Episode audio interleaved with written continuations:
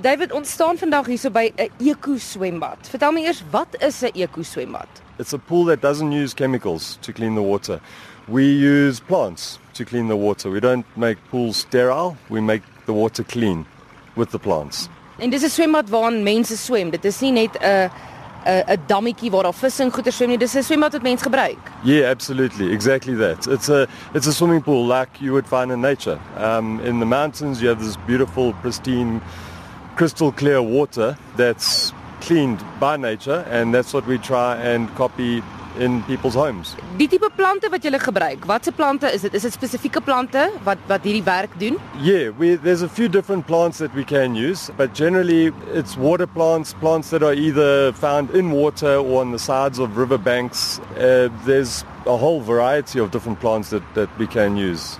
Nou wanneer ek hierso so na die linkerkant toe kyk na die swembad, hier daar's ook nie 'n creepy crawly nie, soos dit hulle sê. Dis ook natuurlik 'n Suid-Afrikaanse man wat dit uitgedink het. So die plante dien letterlik die hele doel. Hy maak die bodem van die swembad en alles skoon. No, no, not exactly. The the water is a lot cleaner due to the way we circulate the water. But we do still recommend a creepy or you know even a manual sweeping and vacuuming but there is still going to be sediment that arrives at the that sits at the bottom of the pool. Waar het hierdie idee vandaan gekom? Is dit 'n nuwe idee en hoekom sal mense dan hulle standaard kloor swembad in 'n eko swembad verander? The first natural swimming pool was made in Austria in the 80s. It's a new thing, but not a very new thing. In South Africa, eco pools were started by uh, Dr. Jerome Davis down in Cape Town, and they've been doing it for over 10 years. They've built hundreds of pools, mostly in Cape Town.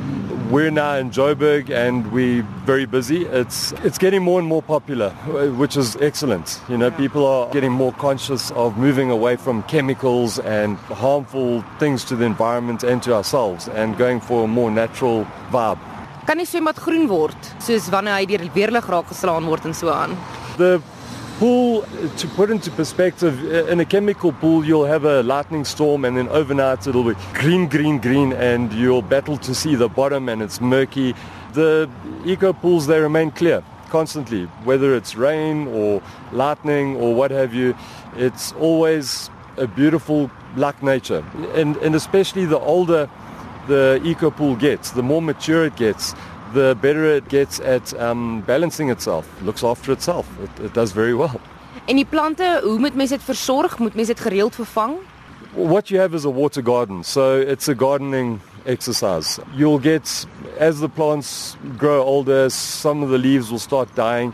The idea is to remove the dead leaves and the uh, dead plants before they get into the water to decompose because that's adding nutrients into the water and you want to remove nutrients from the water. So it's a bit of pruning. Some of the plants you need to cut them back otherwise they will dominate the other plants and you might end up with uh, an ecozone of just one lot of plants. So it's it's it's a little bit of water gardening but the upkeep is very simple. I'm a lazy guy so it suits me perfectly.